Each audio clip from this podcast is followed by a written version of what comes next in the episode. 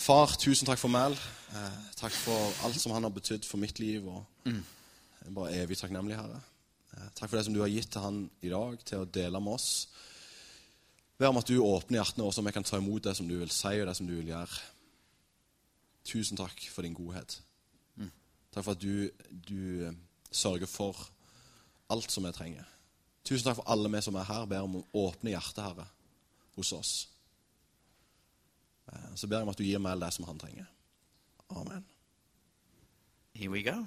Uh, my Norwegian is uh, is not great, as anybody will tell you, but I get to uh, I understand more than uh, more than I'm confident to speak. And uh, twice today, Thomas has prayed, uh, "Tak far for din godhet." Uh, Is that was that kind of good?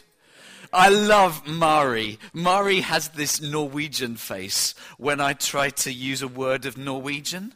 I want you to know you guys are hypocrites. Okay?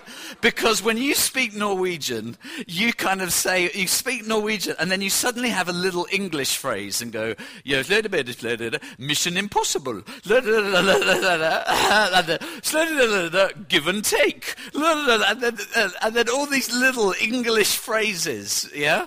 So I try and do the same thing the other way round.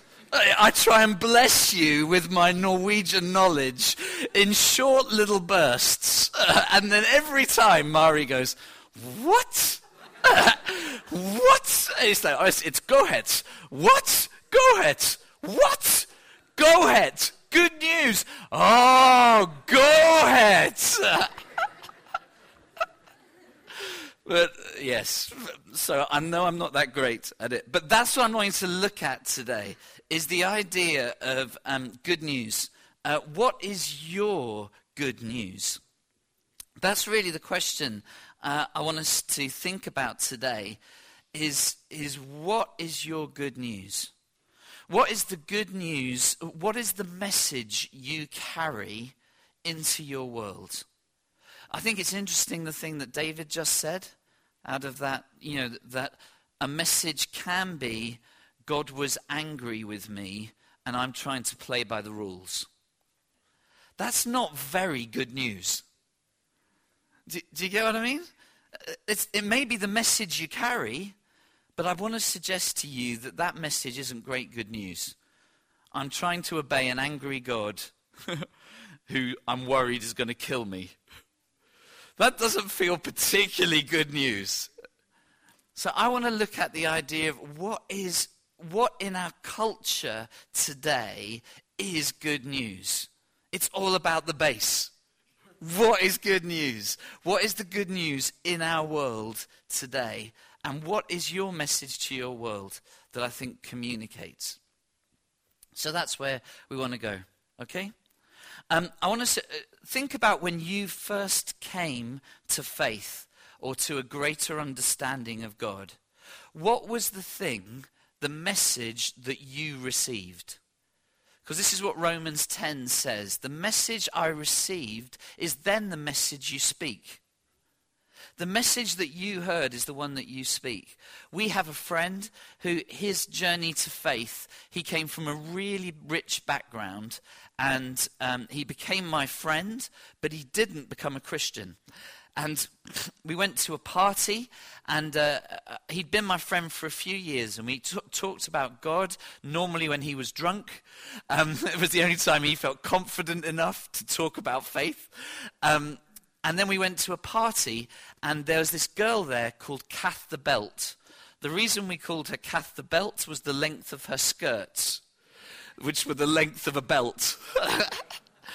and, uh, and, I, and I saw my friend talking to Kath the Belt, and I thought, if anybody is going to see my friend become a Christian, it's Kath the Belt. And Kath said to this guy, You've been Mal's friend for a few years. Why aren't you a Christian? And he went, Yeah, good question. And across this party, he shouted, Mal, why am I not a Christian? and uh, I thought, this isn't the place to have the conversation. So I said, I'll talk to you later. Uh, we, we spoke later. And I said, well, I think there's a few things. Um, I think there's a few reasons why.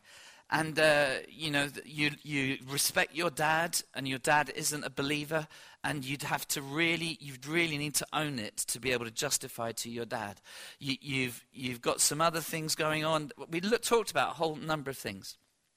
And over the next few years, I watched him deal with each of those questions. And then one day, he called us, and uh, he said, I've just been at a wedding, at this amazing wedding. It was fantastic. And I got back into the, my room of my hotel, and this hotel was so posh, Mal, it had flowers painted on the toilet. I said, I've never been to a hotel that posh. I've never seen one that has flowers painted. And he said, and I just was there. I, I was loving everything, but I just wanted somebody to thank. I just wanted somebody to thank. And he said, I went in the hotel room was Gideon's Bible. And he said, I, I went through the verses and I started to pray and I gave my life to God, to Jesus in that moment because I knew I wanted somebody to thank. And actually, that's his message. That's who he is. What God saves us with, I think, actually becomes our message. Yeah? what you save people with. It's often so. What is the message that you first heard about God that made you believe? Yeah, I asked my wife Chriselle this, and she said I felt like I was being invited into a marriage. I thought that's good news for me. but actually, her first her first encounter with God when you were sixteen, was it? Was I, I knew I was being invited into a committed relationship with my Heavenly Father. And I tell you, Chriselle is the most, that's the message she's received. But as her husband, I can tell you that's the message I get. She's the most committed, relational person I've ever met. Because I think of the message she received. Does that make sense? So talk around your table for a moment. When you first came to faith or to a deeper understanding of faith, what was the message that you heard from God for you? What was it that impacted you? For me, I think I experienced God in a moment of, I, I knew I needed to ask for forgiveness and I needed to know His presence. And I needed to know His presence. And I think that message that I received is still the message that I now go on to give. Does that make sense? What's the message that you feel you've heard from God in your journey that has defined your walk? Does that make sense? What was the message from God that you first heard?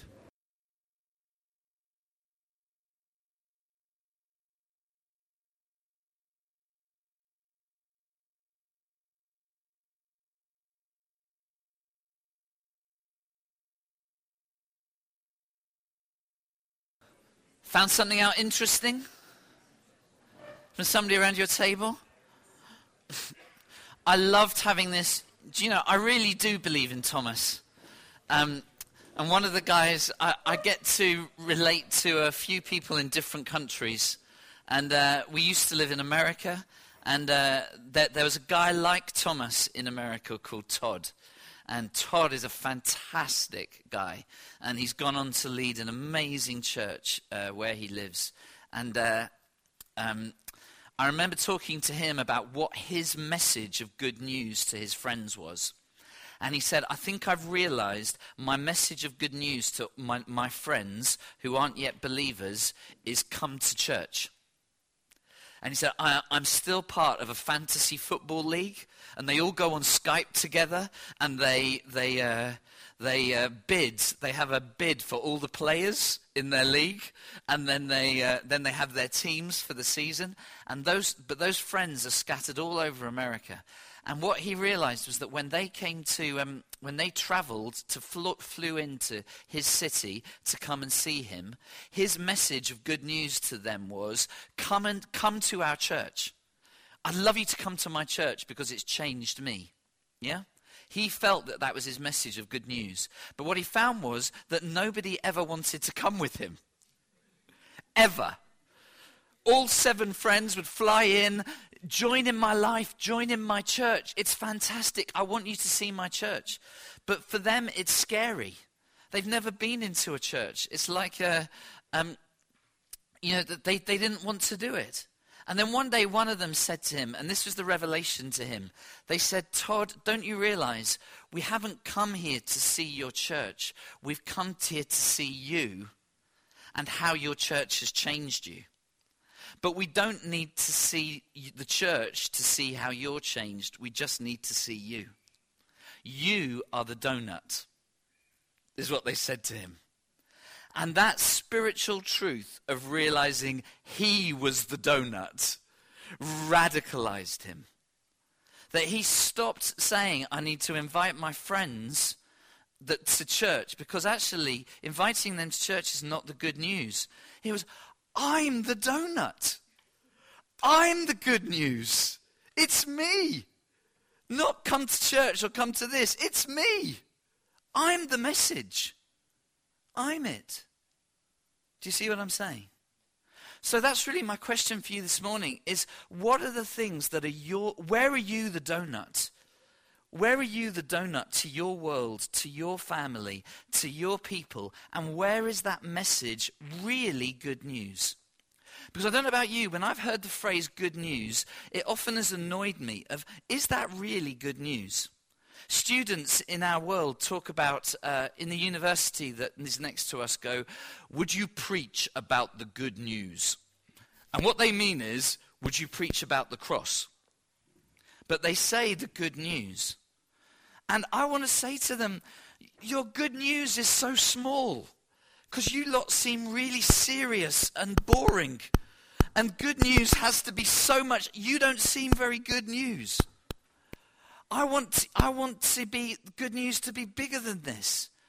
And my understanding of the good news is Mark 1:15 where Jesus says the time has come. The good news of God is here. The kingdom is at hand. God's rule and reign is at hand in my life. It's available. That is bigger than the cross. There's so much more available to us that is good news. So what does that look like and I remember, and I was aware that we kind of joked that we'd said to our kids when they were um, being babysat, we would say to our kids, and this reminded me of, be good. Be good. Did we mean be good? Well, those of you who have to pay for babysitters, what did we mean? Behave. Don't be bad is what be good meant. Don't be bad, don't embarrass us, and don't ask us ask your babysitter like you did last week if they had sex with their boyfriend before they were married.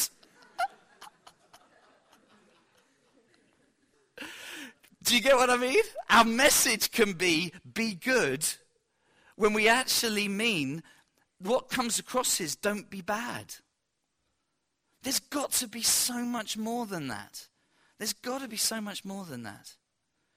To live in a world where actually it's good news. I met a newspaper editor, and the newspaper editor said, you know, in the national media, on the TV, and on the um, and in the papers, the number one thing. Now, this guy worked for one of the national newspapers in England and was a Christian, and he said the number one thing the newspapers know sell, the media knows sells, is confrontation. So if we're going to have a debate, we can't have two people agreeing with each other because that's boring. What we need is one opinion and another opinion and watch them clash. And that is the media. So the national media is we want there to be conflict because that is what sells newspapers. That's what makes it interesting. But he said the interesting thing is the local newspaper, people, is a completely different thing. People need to know that their place that they live is a good place to live. So if the only thing that comes in the news is, oh, you know, there's too, the buses don't run on time, and there's going to be new houses in the wrong place, and there's going to be this, and there's going to be that. Yeah? Actually, that's not good news. And people need to know that the places that they live are a good thing. He mentioned a, a, church, a church leader who started a new church in an English city in Brighton. And the Brighton newspaper came to interview him and said, So, what are you going to do? And he said, um, uh, Well, we, we really have a heart for the poor in our city, so we want to go and work with the prostitutes and the homeless people. The headline in the, on the newspaper the next day was on the front page and says, Vicar says, um, Brighton is full of prostitutes and homeless people. It was no longer good news. So it really got me thinking about what really is good news. So I want to suggest just a, a short list of things which are what are the good news and what messages is the message of good news that you need to receive that you can give in this season. And I want to suggest six quick things, and I've even translated them. There's the first one. Nødder. Nødder. I went, I went Danish there. Nødder. Chocolate. um, grace. Yes? Um, Jesus came full of grace and truth, says that verse. I think if we're going to hear truth, we have to first hear a message of grace. We have to first hear that we're loved and accepted. If you've got teenagers and you're trying to give them rules, they are hearing a message of truth. Yeah? If they, they first need to know that they're loved to hear a message of truth. Jesus came full of grace and truth, but I think we need to hear grace first to hear and trust a message of truth. We need to know that we're loved and accepted. Yeah? Do you get what I mean?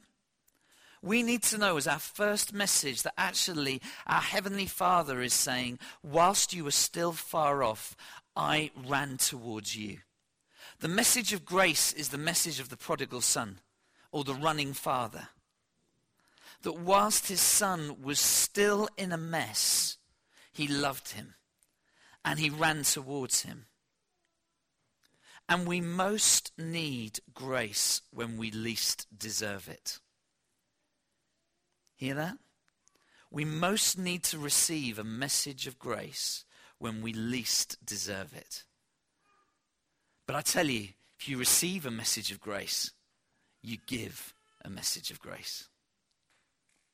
If you haven't received a message of grace, you don't give one. Does that make sense? Is that a good message? Is that good news? I'd love to, if we had more time, I'd play a fantastic clip.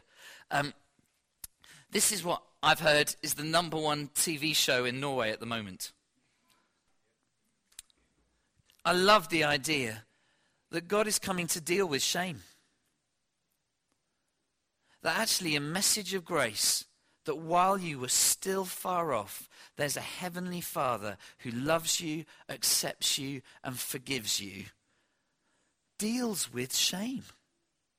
And when you bring things into the light, as He is in the light, the blood of Jesus purifies you from all sin, says 1 John 1. There is no shame when we bring things into the light.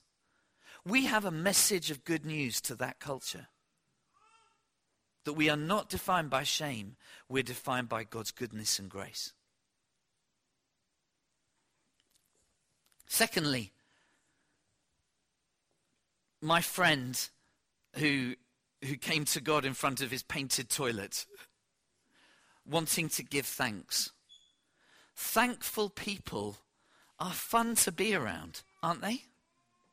And I tell you, the things that you give thanks for are normally the things where Jesus is at work.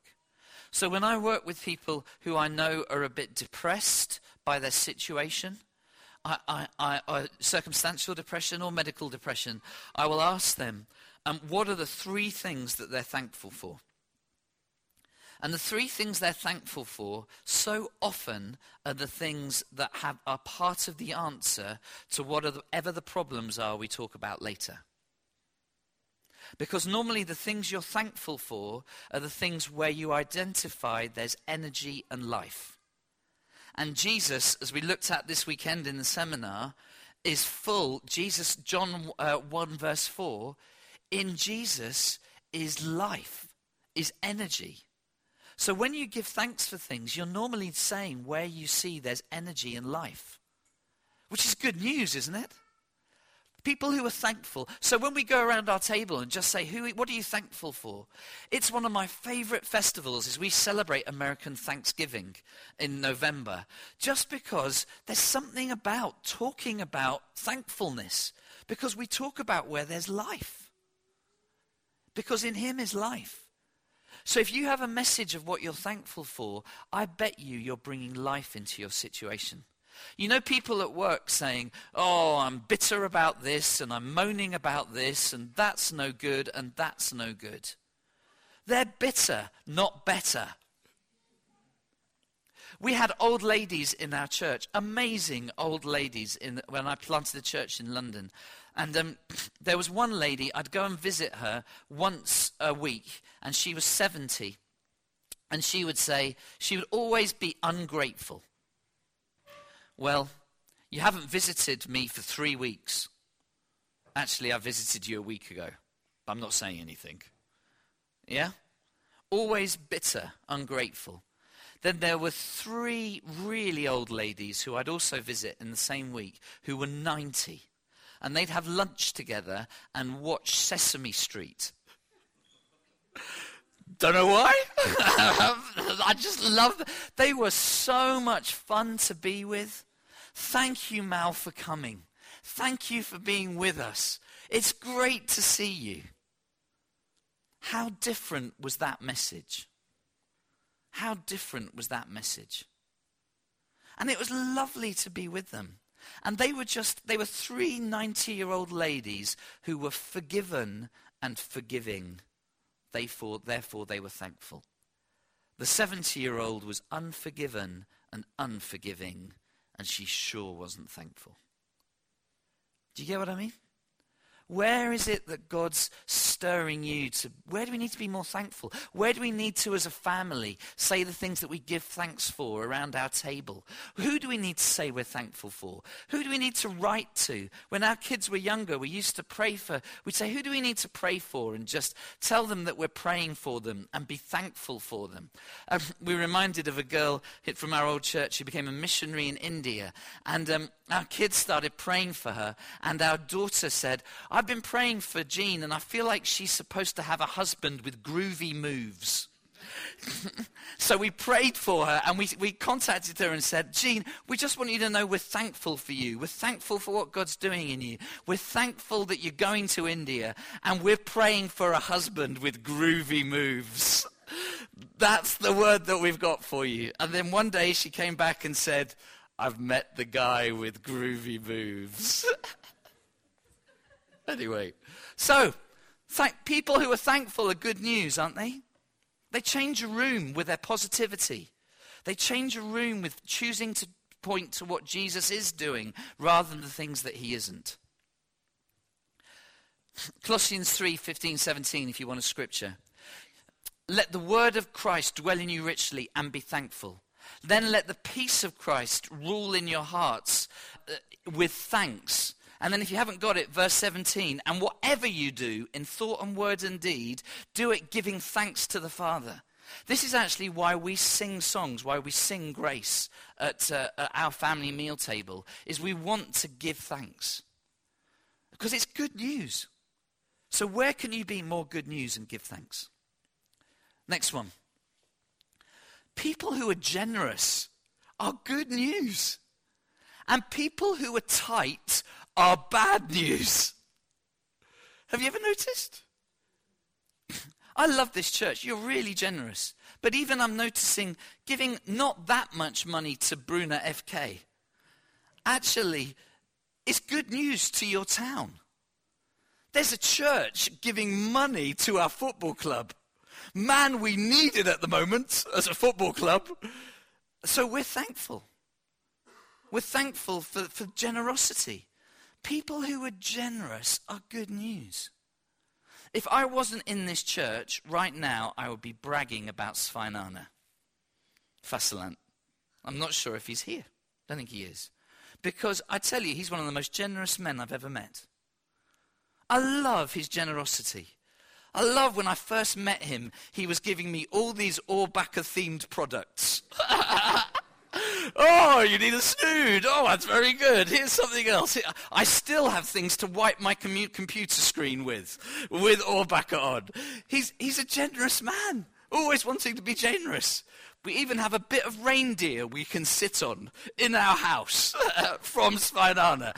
We don't need it in England. We really don't. In England, it just gets wet. Your butt doesn't get cold, it just gets wet. But he's a man that is marked by generosity.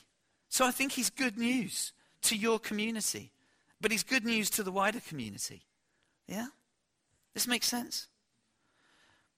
There's a great verse. Oh, this is a good verse. Proverbs 11, 24 and 25. He who refreshes others will himself be refreshed.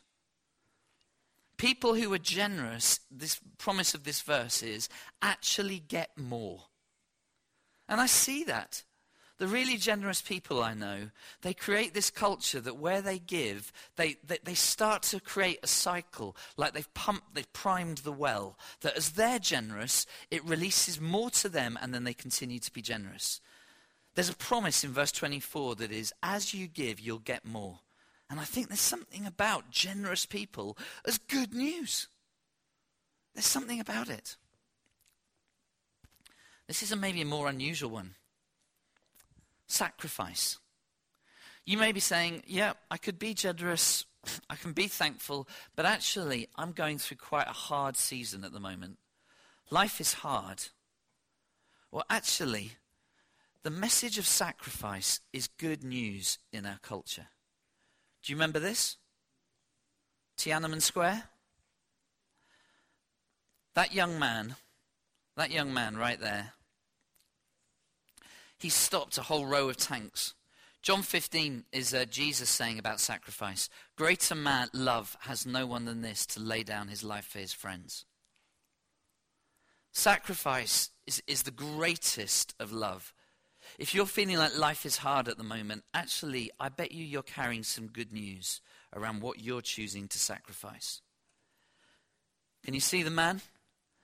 He stopped this massive row of tanks just by standing in front of them and moving each time so that the tank wouldn't come by. It's thought that he saved thousands and thousands of students' lives by doing this, but he himself was killed. But his message is a picture of the sacrifice of something about how our world works. That greater love has no one than this than to lay that. When we embrace the good news of somebody's sacrifice, it points to the greatest sacrifice of what Jesus has done for us, which is good news as we come to this Easter season. That's the definition. The surrender of something important, good, prized, or desirable for the sake of something that's even better that is even better. If you're called to sacrifice or hardship at the moment, really you're pointing to good news. Because you're actually pointing to is your good news that there's something better? I'm doing this for a reason of something that's better. This is a huge one, I think. Forgiveness is an amazing thing. But actually, what I've observed seeing marriages fall apart and families be not reconciled is that um, some people don't have a preferred. Marriages fail, ma- families split apart when a, when a husband and a wife say, I don't see a preferred future with this other person. Do you see what I mean? And I've sat in rooms with couples and said to them, Do you choose a future with this person? Would you choose it? And I've watched people burst into tears and say, No, I don't choose a future with this person. I know I don't. And that's when divorce happens. That's when family breakdown happens. That's when generations become apart, where it's actually, I choose to have a future that you aren't in it. And probably all of us have some relationships that are like that, where somebody said to us, I choose a future that doesn't include you in it. And that's a tough word, isn't it? That's rejection at its fullness. But the good news is that we have a God who does have a preferred future with us. And the relationships that we're most that are most good news. I love the story of Joseph when Joseph reconciles with his brothers and his dad. When his brother has, has have shown that they are sorry and embarrassed when they've been tested, and they come together, and there is a moment of reconciliation. Because actually, God has a preferred future with us. Colossians 1:20 says that Jesus' goal was to reconcile all things to himself. He wants a preferred future with you. And when we hear messages of reconciliation, messages of people who are apart coming together, who want a preferred future, it's good news, isn't it? And it points to a greater good news of a heavenly Father who wants a preferred future with us. Finally, I'm not even Fred or never. Thank you very much. I think these things are really linked together. It's the good news of God's peace and his presence being available to you today. His peace and His presence is available. Um, Philippians 4, verse 7 says, The peace of Jesus which passes all understanding. That means you're not supposed to understand it. It passes understanding. There are some things in our world you will never fully understand. But the peace which is beyond understanding, guard your heart and your mind. We're a world in a world that doesn't know peace. And the, and the, the promise, the good news is there is a peace that is beyond understanding that can guard your heart and your mind. And that is good news. And that peace is the fullness of his presence. The words in um, that's uh, Moses book 4, isn't it? Numbers? Um, where it's uh, the Lord bless you and keep you. The Lord make his face lift up the whole light of who he is over you. His presence, his glory. There is nothing beyond God's presence. There is nothing beyond the glory of who he is. And it's good news that we can experience his peace and his presence to calm our souls where we need it so, which of those do you need? Which of those is that is a message I need to hear that I can give it? That is a message that I need right now that I can give. Which is the one for you? We're going to take this to worship. We're going to ask Jesus, we're going to give you a chance to respond to Jesus and say, Lord, that is the good news I need to receive more deeply in my heart today. Which is the one for you? Just turn to one other person and say, I think this is the one that is live for me at the moment. This is the one that's live for me. Just as these guys get ready, just turn to the person next to you and say it in one sentence each. This is the one that's live for me, and this is why. Tell the person next to you.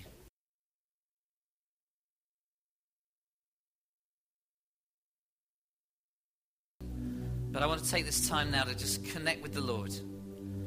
And for you to ask the Lord, just ask Jesus right now in your heart, what is the one thing that you want me to do about it? This is the message of good news I want to take on. I want to receive more and I want to give more. Yeah? So, Holy Spirit, we ask you just to come and inspire every person in this room. Holy Spirit, come. Increase in this place. Holy Spirit, come. Meet with your people. Where your word says, where our spirit meets with your spirit, we cry, Abba, Father. Draw close to us intimately, we pray. And just come and anoint. Anoint your people. Where they need fresh input of your grace, come and do it. Where they need to be released in thanksgiving, I pray you'd come and release thanksgiving. If it's releasing generosity, release it. If it's being equipped to persevere in sacrifice, to know that there are good things of better results that you're doing, come and do it. If there is a message of reconciliation, come and do it. If there is a need for your peace and your presence, come, Holy Spirit, meet with your people. Let's worship.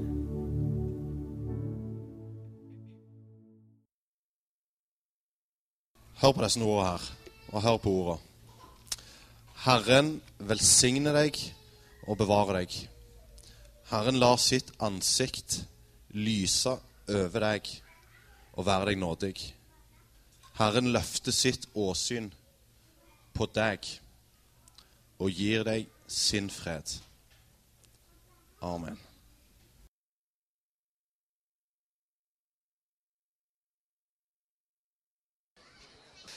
Quite a few of us know him quite well. Uh, Mal is a good friend to many of us. So, January 2006, or February maybe, 2006, we were at a cafe in Trondheim. It was snowing, uh, and I asked him to mentor me. And he said yes, like immediately, because he saw the potential in me, you know? Uh, which was great. Uh, and since that, we've been uh, we've been Skyping almost every month for those years. And to me, it's, of, it's the most precious time almost every month because uh, uh, it's, it's like there's something more in the relationship. Uh, I, I sort of expect to be encouraged. I expect to meet Jesus through those conversations. And personally, it's super, super important to me. And I'm, I'm like honored to be in a relationship with Mal. And I have other people saying, oh, you're, so, you know, the mentor you have, that's a different one. And I just want to say that to you so you know it, because this, this man is important to me. Uh, and I want you to be aware and know. So I'm so thankful, Mal. And it's so good to have you with us.